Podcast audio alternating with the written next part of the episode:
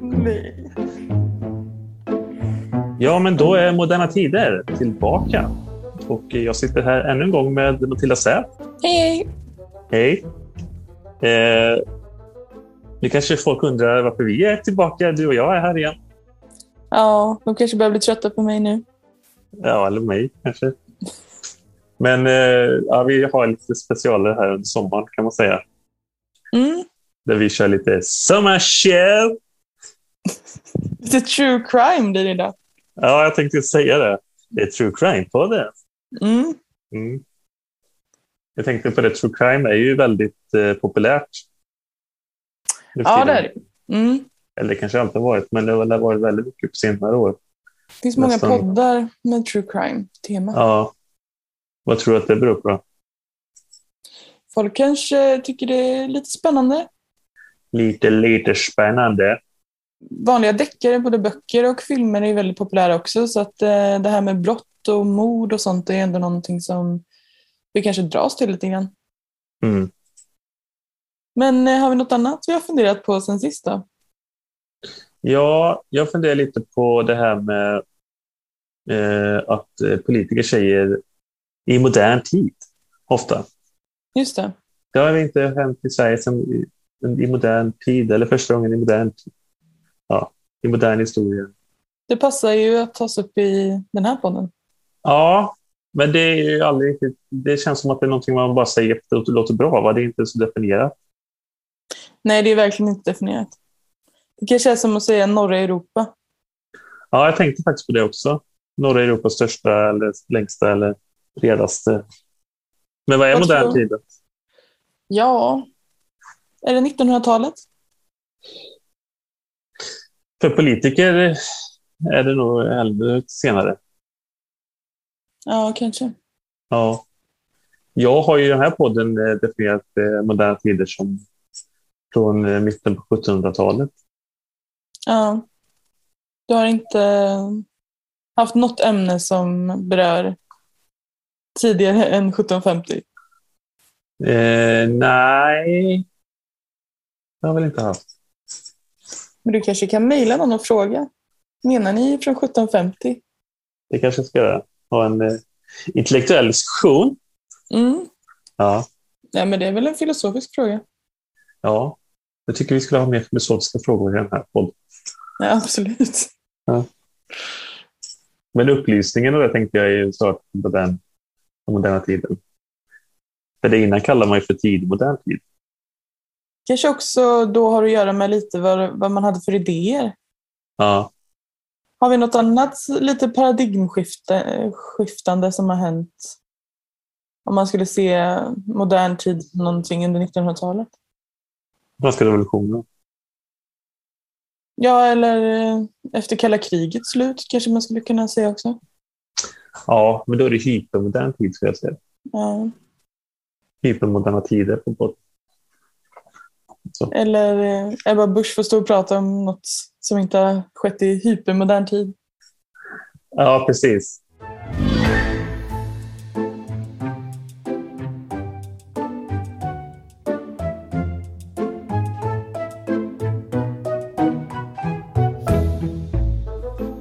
Ja, vi ska ju prata om eh, Salaligan i det här avsnittet. Ja, Och då undrar kanske någon vad Salaligan är, eller vad. mm. Var ska man börja då? ja. Det var en liten grupp människor. Men framförallt en man kan man väl säga. Mm. Han var lite speciell kan man säga. Mm. Detta var ju på 30-talet i Sala, Västmanland. Och de, den här ligan begick fem mord totalt. Ja, under en ganska lång tidsperiod. Mm. Mellan Mm. 1930 och 1936. Så först hade man ganska svårt att koppla ihop de här morden. Eh, Man förstod inte att de kanske hade... Eller ja, det fanns ju spekulationer men man drog inte slutsatsen att de hade med varandra att göra. Nej, polisen var väl inte så kompetent kanske. Ja, Jag tycker man gjorde ganska mycket konstiga grejer. ja kanske. Ja, vem var den här personen då? som var ledare. Eller Den inte. personen var Sigvard Nilsson, senare Mm. Tuneman, som han döpte om sig till. Vi kan ju börja prata lite om tiden. 30-talet var ju eh, präglat av eh, depressionen i hela i USA efter börskraschen och även i Europa. Det var inga goda år precis. Nej. Och sen eh, kom ju det här då som grädde på moset kan man säga. Eller lök på laxen kanske. I Sala. Så att det blir ju inte... eh, Som jag förstått det så var ju Salaborna väldigt eh, drabbade av det här och var ju eh, väldigt eh, eh, rädda och man förknippade Sala ganska mycket med de här dåden också. Ja, det blev ju ändå riksnyheter eh, nyheter det här. Ja, verkligen. Det måste ju vara ett av... Eh, vad den här ligan gjorde, det måste vara ett, ett av de eh, alltså, största dåden som gjorts i Sverige ändå. Det kan man väl säga, ja, de är- ja, någon slags serie. Det är seriemördare, ja. Ja. Och det har vi inte haft så många i Sverige. Nej, det är inte på det sättet. Det är väldigt spektakulärt, det de gjorde. Ja, Sala är ju, är ju annars känd kanske mest för eh, silvergruvan då. Det är väl så man känner till den. Ja, och den lades ju ner 1908 och då eh, tydligen eh, drabbade ju också bygden. Och med depressionen och det så och ekonomisk svårighet så blev eh, var åttonde Salabo var arbetslös i början på 30-talet. Ja. Och 1908 föddes ju också ändå en man i Sala. Mm. Sigvard har vi redan nämnt, va? Ja, Nilsson. eh, precis. Jo, han eh, var inte så framgångsrik i skolan. Han var lite udda redan från tidigt. Var ganska ensam och stod själv på skolgården och sådär. Eh, men eh, var tydligen ganska intresserad av eh, kemi och teknik. Han byggde egna fyrverkerier. Mm. Hans pappa ägde en herrekipering. Ja, för att han hoppade av skolan sen när han var 16 år. Han hade ett dåliga betyg. Så han var ett dåligt mm. Mm. Och då fick han jobb i Då pappans jobbade han lite hos pappan, ja. klädbutik. Fadern var inte så nöjd. Han var, hade stora planer för sin son. Ja, att han skulle bli något, ja. Ja. Och han fick tydligen inte någon riktig lön, så han fick lite pengar han behövde. Men det han verkar vara ganska nöjd med. Det. Ja, han hade ju lite andra planer, så att säga. Ja, han var ju intresserad av lite andra saker. Ja, han var ju intresserad av okkultism Mm. och mysticism och sådana grejer. Ja, han intresserades för yoga och sen också liksom, eh, hypnos och teosofi, österländsk religion. Och det var väl lite inne då, som jag förstått det, att eh, titta mot Indien och yoga och sånt där. Det var det Ja. ja. såg som exotiskt och sådär. För att som att Indien sågs mycket som någon slags motvikt mot väst. Men han förvrängde väl, kan man säga, rätt mycket de här lärorna på sätt om det här med själens alltså förflyttning och sådär. Ja, han ville ju ett tag också flytta till Indien för att bli någon slags yogamästare. Yogi, ja. Och det var väl också lite det som var grunden till det första brottet. Eh, Eller första mordet. Att de behövde pengar då till att han skulle åka till, till Indien. Ja, att han behövde pengar. ja. För det Ja. första mordet begick han ju faktiskt själv. Ja, ja, men eh, det verkar som att han motiverade de andra på det sättet att han skulle ha 15 000 kronor för att resa till Indien. Mm.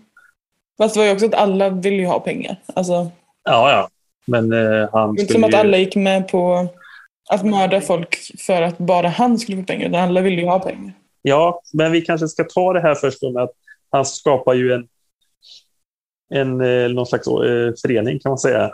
Eller först så träffar han ju, det är väl också när han är 16 år, så möter han ju en dansk mystiker. Som heter Karl Andersen. Ja. På någon slags nöjesfält, det var någon slags utställning i Sala, fattar du det som. Ja, precis. Ja. Ja. men det var ett firande. Staden fyllde 200 år eller något sånt där. Ja, okej. Ja, Ja. nu. Och då, han tog kontakt med honom efter någon, han hade uppträtt där, de här dansken. Ja, han hävdade då att dansken kom fram till honom och han satt där och han drack inte alkohol utan han drack lemonad och det tyckte dansken var bra. Ja, jag tror det var tvärtom. Men eh, du kanske hade Vadå tvärtom? Att det var han som tog kontakt med dansken. Nej, dansken gick fram till honom. Okej, Eller? skitsamma. Det är inte så viktigt. Nej. Ja, dansken eh, han pratade om någon eh, organisation som heter eh, Den magiska cirkeln. Ja, som tydligen ska vara, en, vara någon internationell liga då. Ja, eh, och det var ju Raya Yoga, lärarens principer, Mm. som eh, den byggde på. Och den har ju, kom, har ju österländsk eh, härkomst också. Och den här eh, Karl Andersen då, han var då någon slags ledare i Danmark för det här Mm. och ville att eh, Sigvard skulle bli ledare i eh, Sverige Ja. och börja i Sala då. Men det verkar som också att det, det här bygger på någon, att det finns en gud som heter Siva Mm. Och den här Siva har två gemåler. Och Kali är en av dem. Och det är Kali som tillåter att själen gör sig fri utan någon skada, så att säga. Ja. Och att eh, det enda som är väsentligt i livet är jaget. Så det är någon slags eh, egoistisk lära kan man tycka då. ja, fast det är ju också det här med att, alltså att, det, att, att det då eh, rättfärdigar mord på något sätt. Att själen är inte kopplad till kroppen. De bara byter. Så mord är egentligen inte något dåligt då. Nej, de byter bara fysiskt tillstånd. Mm. Kroppen eller själen framförallt kanske. Ja, precis. Själen byter kroppar. Men det är väl i och för sig det är genomgående i all eh, typ av eh, religion och så, att eh, själen är liksom skild från kroppen. Jo, fast inte att man byter kropp. Det är ju inom Nej, hinduism och så. Ja, buddhism och hinduism. Men då är det i och för sig också det här att, att man går igen, det är ju, eller går igen, men att man förflyttas så att säga är ju ändå någon, det är ju inte något positivt, utan det är ju någon slags eh, botgöring man gör. Eller inte botgöring kanske, men man söker ju ändå, man vill inte bli återförd, utan man söker den sista, den slutliga, slutgiltiga vilan, så att säga. Ja, fast det är ändå död. Inom kristendomen tror man ju ändå att man dör och sen att själen åker upp till Gud. då. i evigheten. Ja, fast du, samtidigt har du ju haft, du har ju haft liksom andra, kanske inte så vanligt nu då, men eller jag vet inte hur katoliker och sånt ser på det, men jag tänker på det här med eh, att det finns olika lag, eller skärseld och sånt där Mm. som man kan hamna i. Ja, och det är, då är ju också botgöring innan man kan släppas in i, i paradiset. Ja, fast det här verkar ju Sigvard ha fått för sig då att mord inte är så farligt för att själen bara byter kropp. Men i- inom alla andra, eller inom alla religioner så är ju mord ändå någonting väldigt förkastligt. Så han liksom blandar ju ihop det här lite med att mord inte ska vara någon fara. Liksom. Nej, och det har jag tänkt mycket på. Att, för han har väl, sa väl själv att han inte var speciellt intresserad av politik och sådär. Men jag tycker ändå att det, det, det, går ju, det hänger ihop på något sätt också lite med de politiska idéerna som var starka. Eh, om överjaget och liksom det här eh, fascistoida, nazistiska synen på människan. Fast det var ju också, alltså morden hade ju ingenting att göra med till exempel eh, rasism eller eh, sådana saker. Nej, nej, nej, men jag tänker just det här synen på alltså det här med överjaget och det, alltså det här att, liksom att man kan döda människor och liksom ett liv har inget... eh, Liksom, det är ganska lätt att rättfärdiga mord och sådär. Mm. Jag vet inte, det kan, jag kanske skulle kunna haft en bättre eh, analys av det där, men eh, nu har jag inte det. Nej, men jag, bara, jag tycker det var jätteintressant, men jag bara menar att eh, eh, man inte ska koppla ihop det heller med att, eh, att det var liksom mord på judar till exempel. eller så. Som, Nej, nej, nej. nej. Men jag tänkte mer ur hans liksom, ideologiska hållning. Inte så mycket kanske. För de, det är ju inte så att de egentligen, morden har ju egentligen ingenting med eh, hans religiösa uppfattning heller egentligen. Ja, nej, fast det är rätt. mer än att han så att säga, rättfärdigar mord Ja, på det precis. sättet. Ja. Men han kanske var psykopat egentligen också, det vet vi inte. Liksom. Det, eller antagligen var han väl det. Ja, det För var... det finns ju en, empati är ju ändå något liksom, fysiologiskt också, tror jag. Alltså, mm. ja. Alla människor kan ju inte bara döda. Liksom. Nej, för grejen var ju också att det fanns ju ingen som hette Karl Andersen och det fanns inte eh, någon internationell liga. Så det här har ju han hittat på. Va? Och jag vet inte om han liksom trodde på det själv eller eh, om han... Ja, men det är svårt att sätta sig in i hur han tänkte egentligen. Polisen försökte, försökte hitta någon som hette Karl Andersen sen. Då. Ja. Och de, försökte hit, de försökte hitta en internationell liga också och det Ja. fanns ju inte heller. Så att det här är ju någonting som han kokar ihop i sitt eget huvud bara. Liksom. Ja. Och han läser väl mycket och han tar väl inspiration från massa olika håll och så. Men att det skulle komma en dansk magiker och berätta allt det här för honom, det har ju liksom inte hänt. Nej, troligtvis inte då. Eller så är Karl Andersen duktig på att gömma sig. kanske finns det lite än idag. Men han hade ju en kompis också, hans bästa kompis som hette Erik Hedström. Mm. Och honom började han ju få med på det här. Och han, Erik blev väl ganska tagen av det här och liksom blev intresserad också och blev fascinerad av Sigvard. Ja. Och Sigvard utförde ju en del experiment på Erik också. Satt, satte nålar inom händerna och, och någon slags trans, att han hade sovit i flera timmar. Hypnos och sånt. Just det, Ja, va? hypnos och Ja. trans. Alltså att han eh, var borta i flera timmar. Och Så sa Sigurd att nu har du sovit. Ehm, fast han hade inte märkt någonting och sådär. Nej. Och, och han berättade ju då för Erik om den här magiska cirkeln. Mm. Och sen så eh, började det komma brev också. Mhm. Som ju han måste ha skrivit själv då helt enkelt. Sigvard. Ja, Mm. Eller? för att eh, det, Du, fanns, du, du, du, du. det fanns ju något som hette Triangeln då i Stockholm som var Mm. någon slags huvudkontor. Det går ju i och för sig inte ihop med det här att Karl Andersen ville att, att han skulle vara ledare. Det är en logisk eh, läcka där Ja, i hans resonemang. för det fanns ett huvudkontor i Stockholm som kallades för Triangeln. Och de skickade brev till Sigvard och Erik. Och då varnade de Erik. Från, han hade precis börjat träffa någon tjej. Mhm. Och då skickade de en varning att eh, han kanske inte borde träffa henne mer. Nej. Och sen var det ju också, för så har jag förstått också, att det var inte bara den här resan utan det var också den här triangeln som skickade krav om att de skulle få in pengar. Okej. Men vad gjorde de mot det då? Ja, då började de ju planera en stöld. Ah, det var liksom ett sätt att rättfärdiga det också då. Ja, precis. Men sen var ju organisationen var ju uppdelad då i att det fanns ju, en- det hette inte också det- triangeln eller något? Den här innersta, den innersta si- delen av, det fanns ju en hierarki inom den magiska cirkeln. Ja, Sigvard var ju ledare. Ja.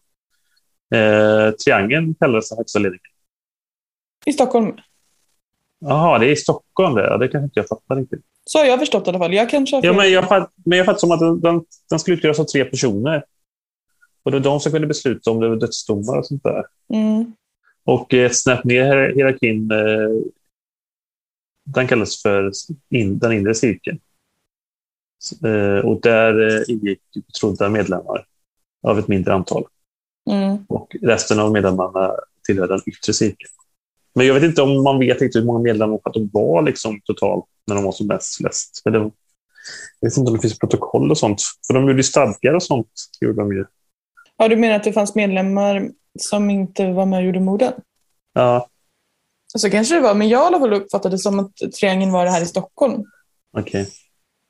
Om någon kan förklara det här så kan ni mejla till polisen, Men eh, i alla fall. Men Sigvard kanske, då, tydligen hade inte han triangeln heller. Också. nej.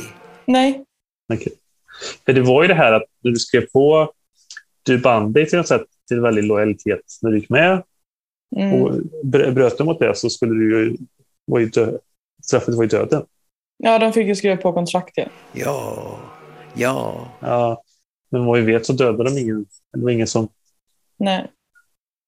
Men Sigvard eh, hotade ju också med att han kunde via trans uppmuntra människor att eh, ta livet av sig och så. Ja, just det. Det var inte nödvändigt att man behövde skjuta dem. Nej. Nej. Men han hotade väl då med att jag kan få er att vilja ta livet av er. Det lät ju inte så roligt. Men oavsett då om triangeln var de i Stockholm eller om det då var Sigvard s- så var ju liksom Sigvard blev i alla fall ledare i Sala och så var ju Erik Hedström den som stod honom närmast och sen var det ju tre personer till. Åke Lindberg, Roland Abrahamsson och Herbert Jansson var de andra tre. Då var man utförde brott. De utförde brotten, ja. Ja, men vi kanske kommer Fast- lite till... ja. Eh, Åke Lindberg var ju bara med på det sista brottet, så han var ju inte med så mycket. Okej. Vi kanske ska komma till brotten då. Mm.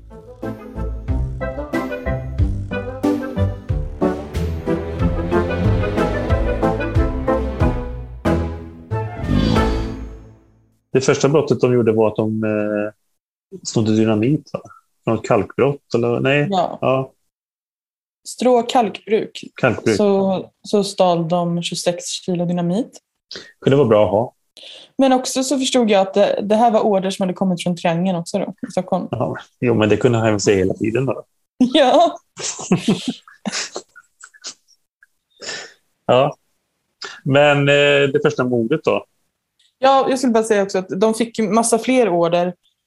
Och sådär. Det var ju massa brott som de inte begick också, som de liksom hade planerat för och sådär. Ja. redan i början men som inte blev av sen. Mm. Men ja, morden. Då... ehm, Eh, Sigvard begick ju det här första mordet själv då. ja, det var på hans 22-årsdag. Mm. Det var ett bra sätt att fira födelsedag på. Offret var en taxichaufför som hette Sven Eriksson. Och det här är ett ganska mystiskt eh, mord.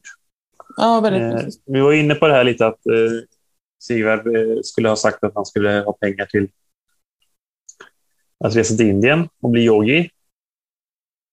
Och då bör- skulle de råna ett mejeri. Av någon anledning. Mm. Ja, De rånade Eller ju fast- så, lite små... De rånade Ja, inte banker liksom. men det fanns mycket pengar där. Jag vet inte, eller mejeri. Jag vet inte varför de skulle råna ett mejeri. Nej. Men, eh, och då behövde de en bil. Det var därför de skulle sno den här taxibilen var tanken.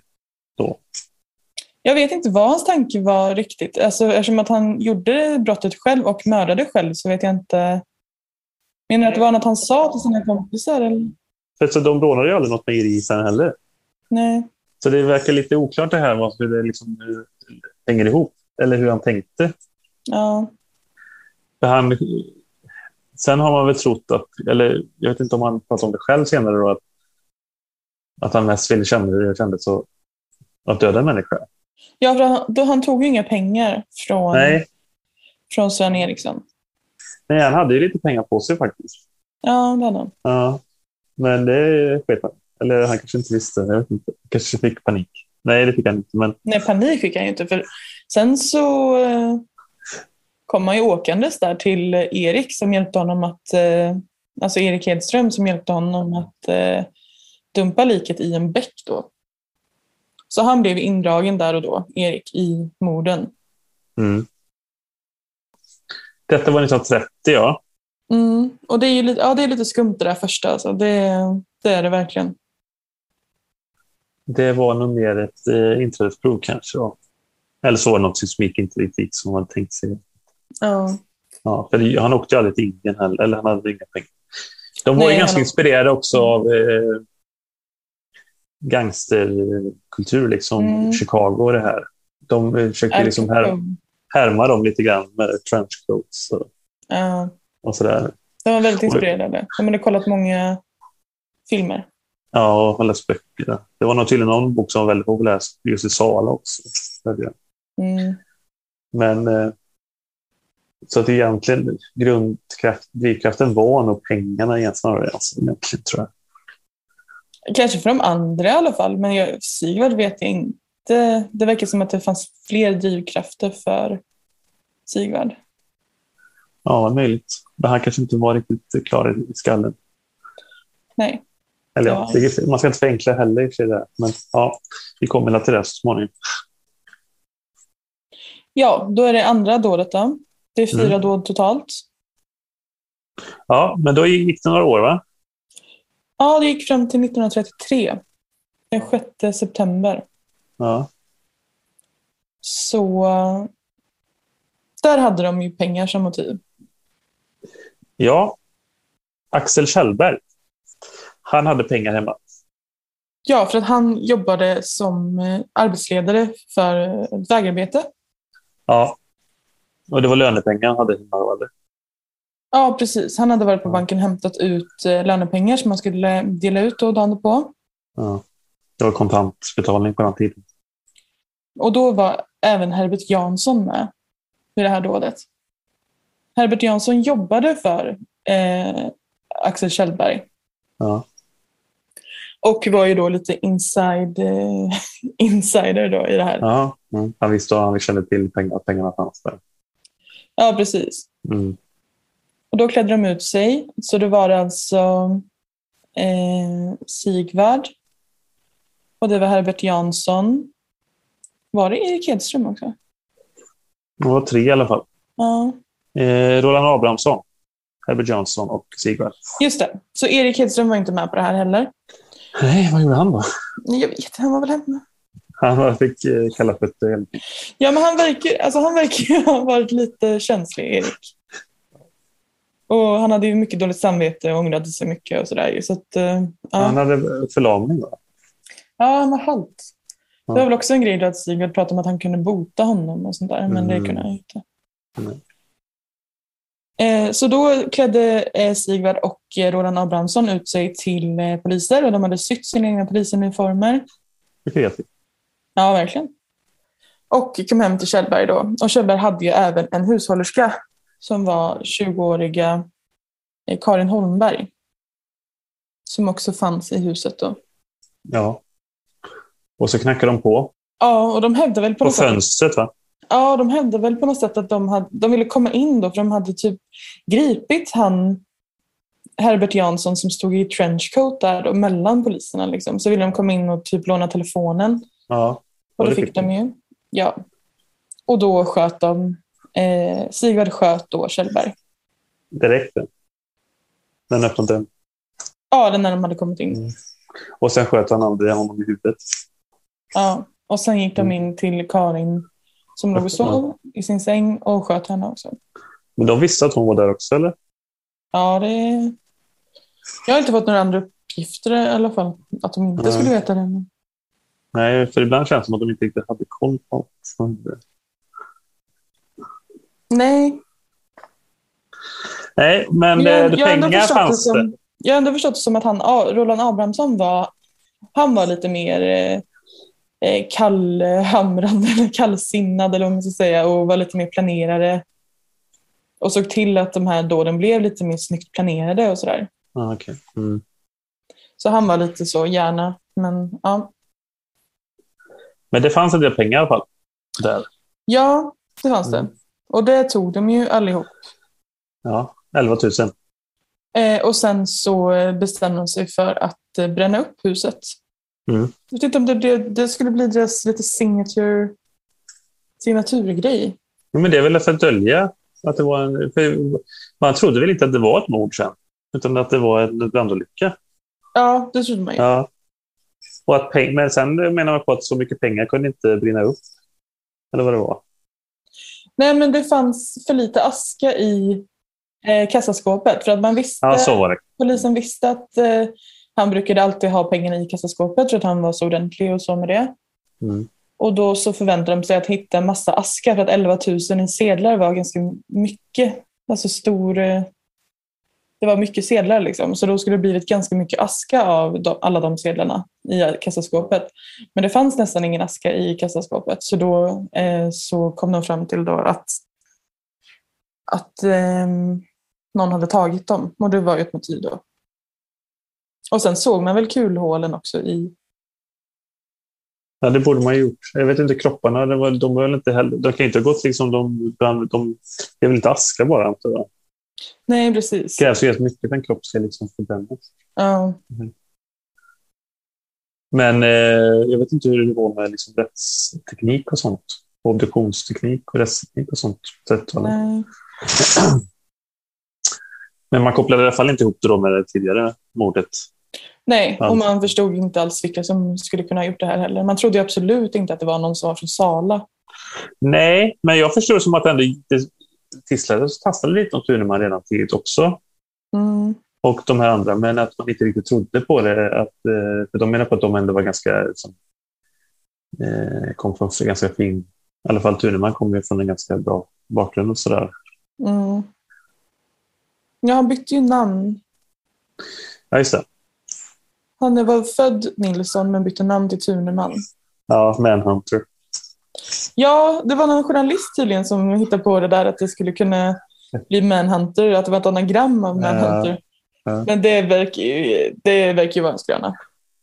Att det, det stämde inte. Han, eh, han förnekade själv va, typ, att det skulle vara eh, Thuneman. ja, och tydligen så hade han ju sagt när han bytte namn att det hade gått lika bra med Tuneman till exempel. Och sådär. Jaha. Så att, eh, Mm. Ja. Sen eh, dröjde det inte lika lång tid riktigt, men ändå mer än ett år. Ja, då är vi i Till nästa november 1934. Och det här var ju då ett lite planerat brott. Ja, det var väl förr också. Jo, det var det ju. Alla var planerade, men... Eller ja, de, Jag tycker det här Ja, det- känns som det mest planerade. ja, fast man kan ju säga att eh, andra eh, dådet var ju det mest lyckade. Mm.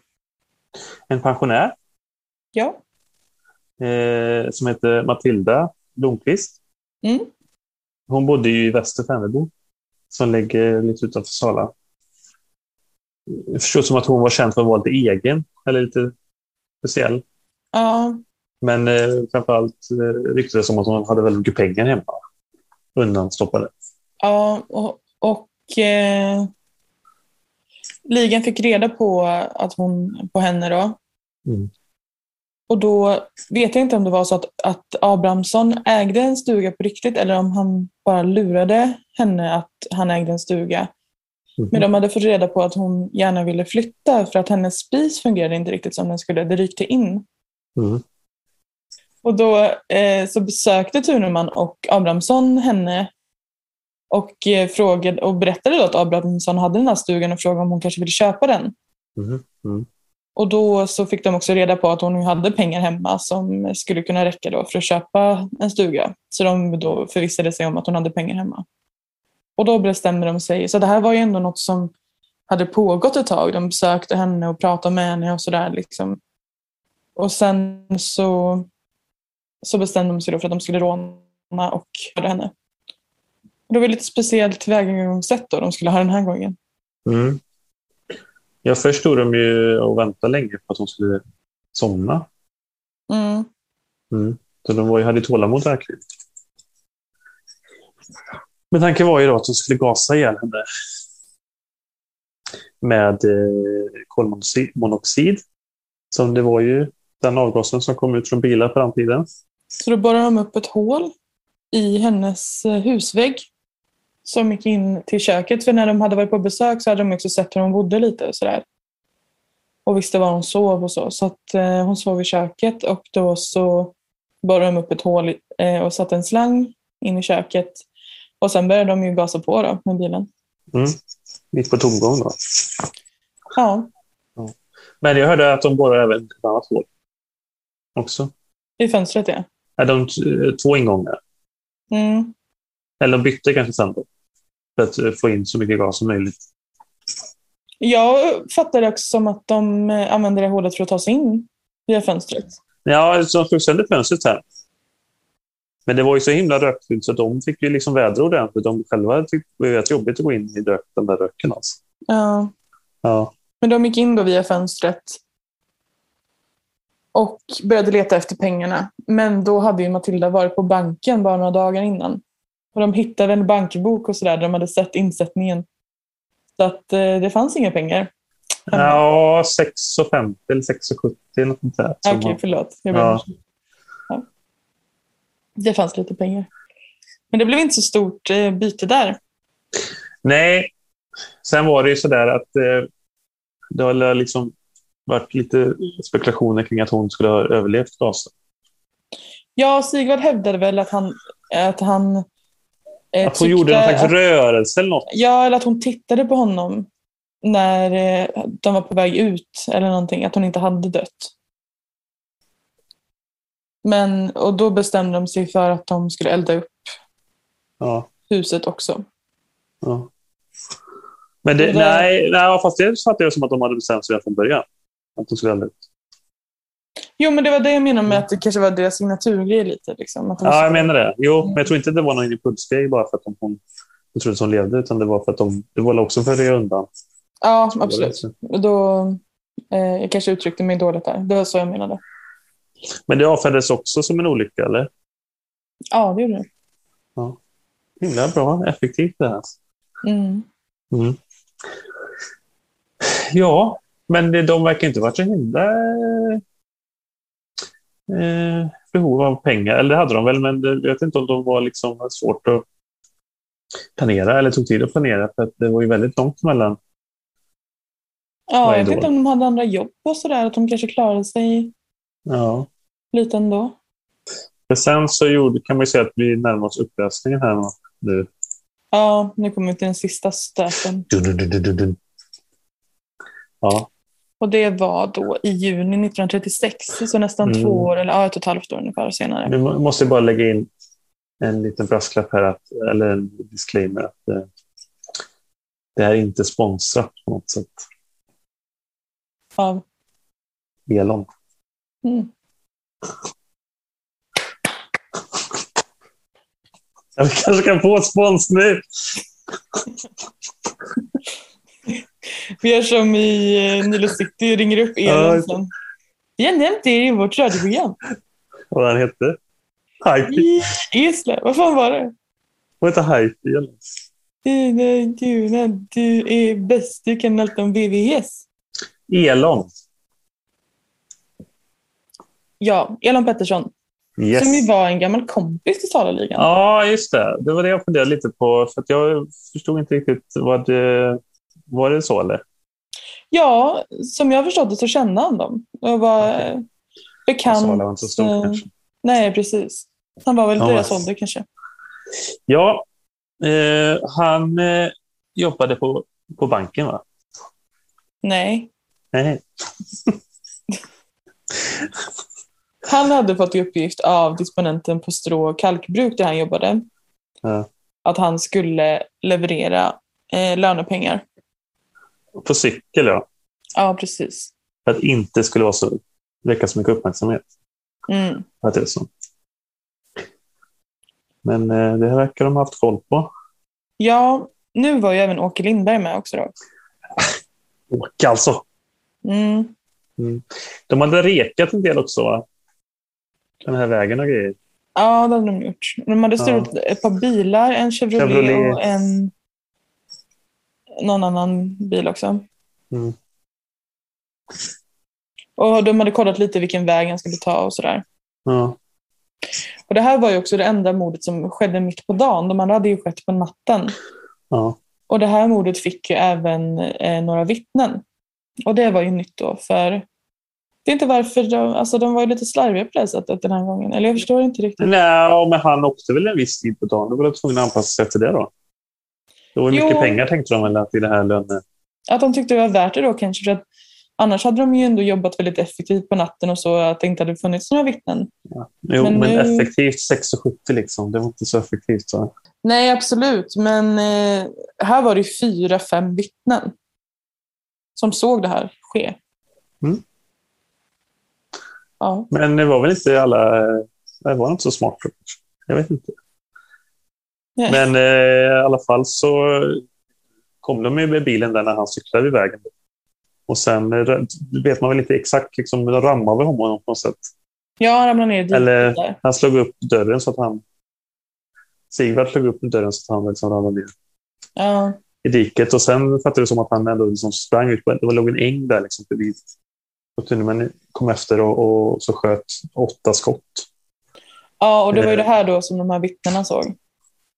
Ja, Och de hörde, det var väl också lite olika uppgifter, några, hur många skott de hade hört och, och sådär. Men eh, Elon dog inte, di- dog inte direkt, utan han dog på sjukhuset sen några dagar, några dagar senare. ja.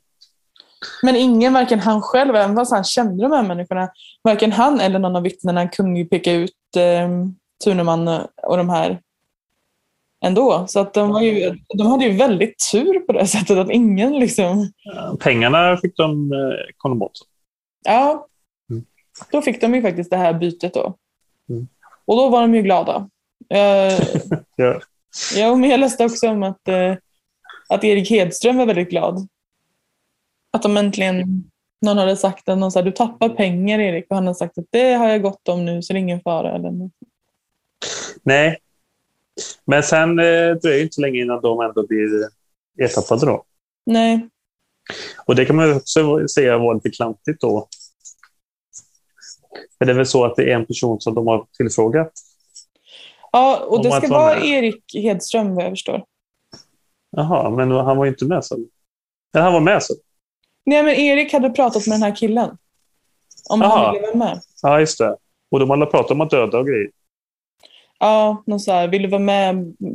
Du måste bara vara okej med att du kommer kunna knäppa, att du kan knäppa en kille typ. Eller något sånt där. Ja. Och det ville ju inte den här killen göra. Då pratade väl han med någon kompis och kompisen sa att men du måste ju gå och berätta det här för polisen. Liksom och så. Och då gjorde han det.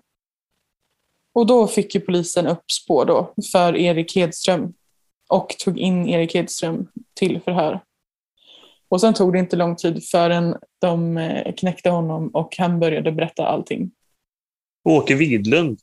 Hette han ja. ja. Ja. Nej, och de erkände va? Ja, först så erkände ju Erik allting och namngav de andra.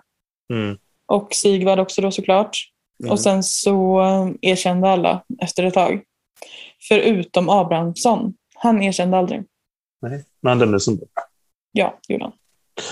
Ja. De an- övriga dömdes till livstids straffarbete. Mm. Sigvard dömdes lite annorlunda. Han dömdes till livs... eller, Var livstid också, eller? Ja. På eh, ja, psykvård eller mentalvård, eller vad hette det? Då? ja, han dömdes till eh, ja, rättspsykiatrisk vård får man väl säga. Mm. Domen föll den 22 februari 1937. Och det var väldigt stor uppmärksamhet kring eh, både i Sala och i riksmedia också då, kring rättegången. Mm. De fick ju gå igenom då. Det var ju en, eh, en eh, person som hette Olof Kindberg som var en ganska känd eller uppmärksammad rättspsykiatriker som pratade med dem och han, kom, han fastslog då att eh, det var ju någonting som inte stod rätt till riktigt med Sigvard Thuneman men de andra var friska. Liksom. Så det var ju därför man eh, dömde så. Ja. Och han hamnade på Säters sjukhus då. Mm. Idag var han. De andra avtjänar ju sina straff och sen så levde ju de ganska goda liv. Ja, sen. men jag vet inte hur länge de satt inne. De. Jag vet inte vad det innebar att sitta livstids Nej, men de var ju så- straffarbete. De var ju så unga när de åkte Ja. dit så att de eh, var ju typ i 35-årsåldern när de kom ut sen. Men då satt de inte så länge. Nej, de satt inte så länge. sen Sigvard satt ju på jobbade- Säter i 30 år. Ja. Ja. Men de andra sen- satt inte så länge. Alltså jag vet inte exakt vad livstid eh, var då. Nej, nej, jag undrar också det. Det kanske inte var så många år. Nej. Nej. Det är förmodligen mer Straffarbete idag. var det också. Jo, fast de, är- det var ju, eh, de utbildades ju och sådär så det var ju liksom Ja. inte så här straffarbete på vatten och bröd. Liksom. Nej, man tänker att de stod och så här hackade i jorden.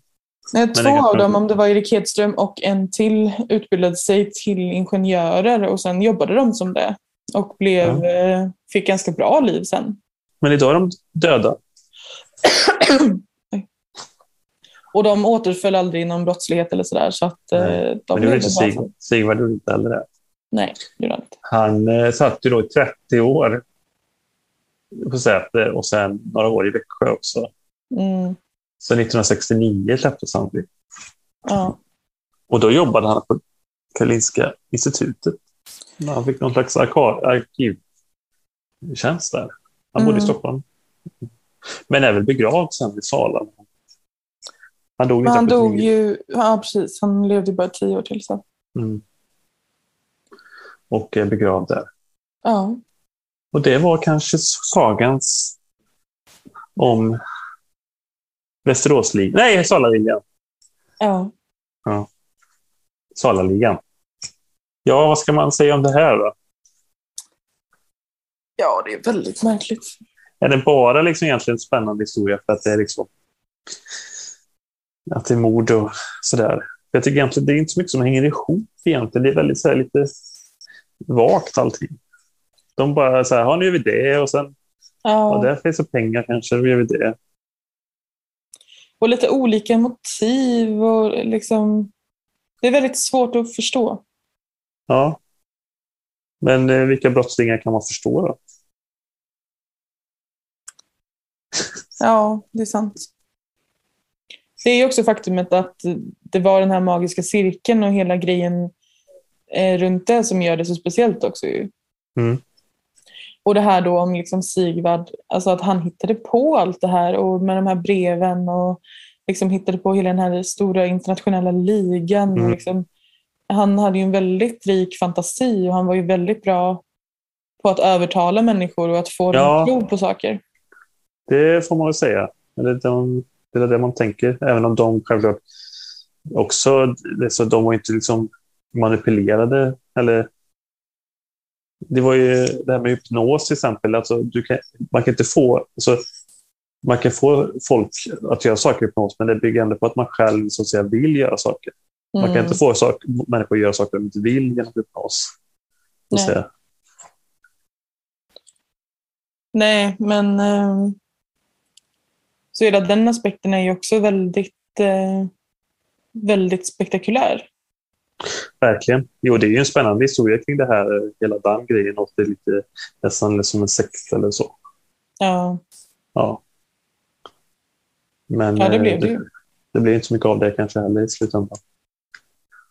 Nej, den magiska cirkeln upplöstes väl. Ja, Det är Inte, det finns ingen, åt- ingen som har återuppväckt den. nej, Och det ska vi inte uppmuntra till heller. nej. Ja, men eh, har vi något, är det något mer du vill tillägga? Eh, nej, Då säger jag tack Matilda Sä för den här gången. tack så mycket. Och jag heter Stefan Hjalmarsson. Och vi hörs väl snart igen hoppas jag. Det gör vi. Hej då! Hej då! This is um, edited by a company called uh, Radio Maland.